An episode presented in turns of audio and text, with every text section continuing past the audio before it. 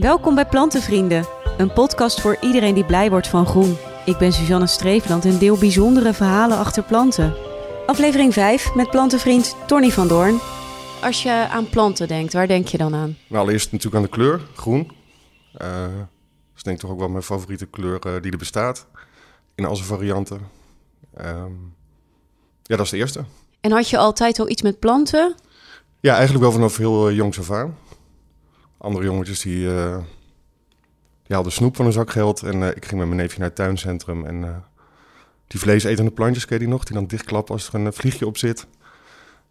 Maar ook bollen bij mijn ouders in de tuin zetten. En ehm, kerstbomen waren altijd favoriet. Ook na kerst verzamelen met vriendjes. Ja, eigenlijk altijd een hele kamer vol met planten. En hoe komt dat, denk je? Ik denk dat ik een tante had die veel planten had. Die, die, die ze dan ook jaren en jaren had. Geen weggooien spullen, maar ja, dingen die maar door bleven groeien. En met veel verwondering eh, naar gekeken. En toen dacht je, dat wil ik ook. Dat wil ik ook, dat ga ik ook doen. En je hebt een paar bijzondere verhalen over planten die je hebt. Dat klopt. Want je bent stylist, dus je neemt altijd sowieso planten mee. Hè? Je gaat ook naar de plantenveiling, geloof ik. Ja, ik, ik eh, heb heel veel interieurs gemaakt. En een interieur is voor mij nooit af zonder groen.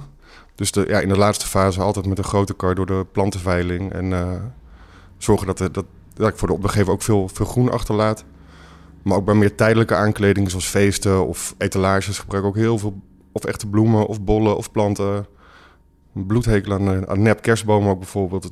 E- Echt groen brengt ja, alles letterlijk tot leven eigenlijk. Dus voor jou is een huis niet af zonder planten. Klopt. En eentje daarvan staat buiten, dat is een olijfboom. Ja, dat is een eh, olijfboom van eh, ongeveer, eh, denk 1,30 eh, hoog. De stam wordt ook niet groter, dus hij blijft altijd in dezelfde ja, range qua, qua lengte.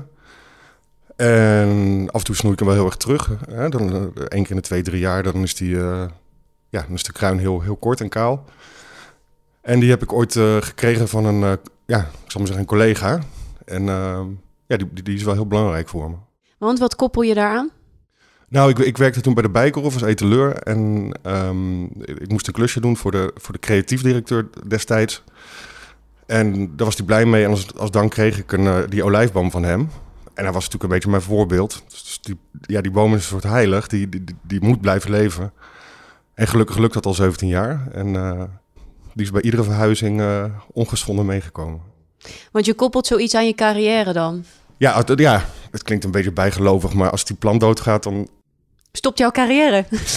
La, laten we hopen van niet, maar ja, dat zit wel een heel klein beetje in mijn achterhoofd. Ja, Zelf heb je ook nog een stekje hier staan van de papyrusplant. en die heb je een keer meegenomen uit Barcelona. dat klopt. Dat was denk ik in het jaar 2000. Dus 20 jaar geleden. Zo voelt het niet, maar 20 jaar geleden. En toen was ik met een vriendin op vakantie in Barcelona. En dat was een hele mooie zomeravond. Bij een hele grote fontein die helemaal vol stond met papyrus. Hoe ziet zo'n papyrus eruit? Even een korte omschrijving. Ja, eh, papyrus is een eh, vrij lange steel. Waar, we, waar verder geen blad aan zit. Maar ze, ze hebben een soort parapluutje bovenop. Ja, met verschillende puntige blaadjes. Ja, het doet me een beetje denken aan zo'n parapluutje wat je krijgt op zo'n kinderijsje. Klopt. Als je, als je daar de, het papier van af zou halen en het geraamte blijft over, dat is eigenlijk precies het blad van het papyrus. Ja. En je was daar in Barcelona. ja, op die hele mooie zwoele avond. En ik dacht, oh, ik, wil, ik wil een herinnering. En ehm, ik dacht, ik had ooit geleerd van, ik weet niet meer van wie, hoe, de- hoe je die moest stekken. En toen heb ik in een eh, oud chocomel flesje ja, een stekje van die papyrus uit Barcelona meegenomen. Want hoe stek je dat dan? Dat is heel gek, die moet je op zijn kop in het water zetten. En dan schiet die wortel. En dat gaat meestal heel snel. In een week of twee, drie kun je hem eh, in de aarde zetten. Ja, als hij op de goede plek staat en, en heel veel water geven, want het is een waterplant. Hij staat wel in aarde, maar eh, veel water is wel noodzakelijk. Dan, ja, dan ontploft hij eigenlijk vrij snel. In, in een seizoen kun je al een aardige plant hebben. Ja, dus toen heb je hem vanuit Barcelona meegenomen naar Nederland. Ja. Even, wor- even wortel laten schieten natuurlijk. En toen eh, hem opgekweekt. En wat het, denk ik het leuke ervan is, is dat ik in 20 jaar tijd, ik denk dat ik nou, ja, dat moet ik natuurlijk schatten. Ik denk dat ik wel 75 stekjes weggegeven heb. Aan vrienden, aan familie, maar ook wel aan eh, studenten die bij me afstudeerden. Eh, dus die plant die is, die is inmiddels ook in heel Nederland. En eh, ja, heel veel mensen denken aan mij als ze natuurlijk met die plant bezig zijn en aan het verzorgen zijn. En ik geef ze nog steeds weg. Dus dat, ja, dat, is, dat is wel heel leuk. Dus je krijgt dan af en toe van die appjes van mensen waar je ooit een stekje aan hebt gegeven. Van nou kijk eens, hij is gegroeid. Ja, Zelfs, zelfs een afstudeerklas van een jaar of twee geleden uh, zitten we nog steeds op een Facebookgroep. En af en toe stuurt iedereen even de foto hoe die erbij bij staat. Er zijn ook wel een paar overleden, maar heel veel mensen zijn er ook wel heel trouw mee om hem te verzorgen. En is dat ook jouw doel? Dat mensen zeg maar blij worden van planten of dat je dat wilt doorgeven? Of? Nou, wat ik toen wel heel mooi vond, toen ze bijvoorbeeld aan die afstudeerstudenten gaf. Hè, je, je kan naar de Action gaan en uh, voor iedereen een, uh, een, prul kopen of, of, of een raar ding.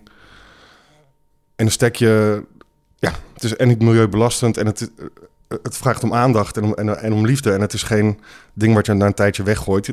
Hopelijk zorg je er echt voor. En ja, dat vind ik eigenlijk wel een hele mooie gedachte. Snap ik. En je hebt nu ook dus een stekje voor in de plantenbiep van de papyrus. Dat klopt.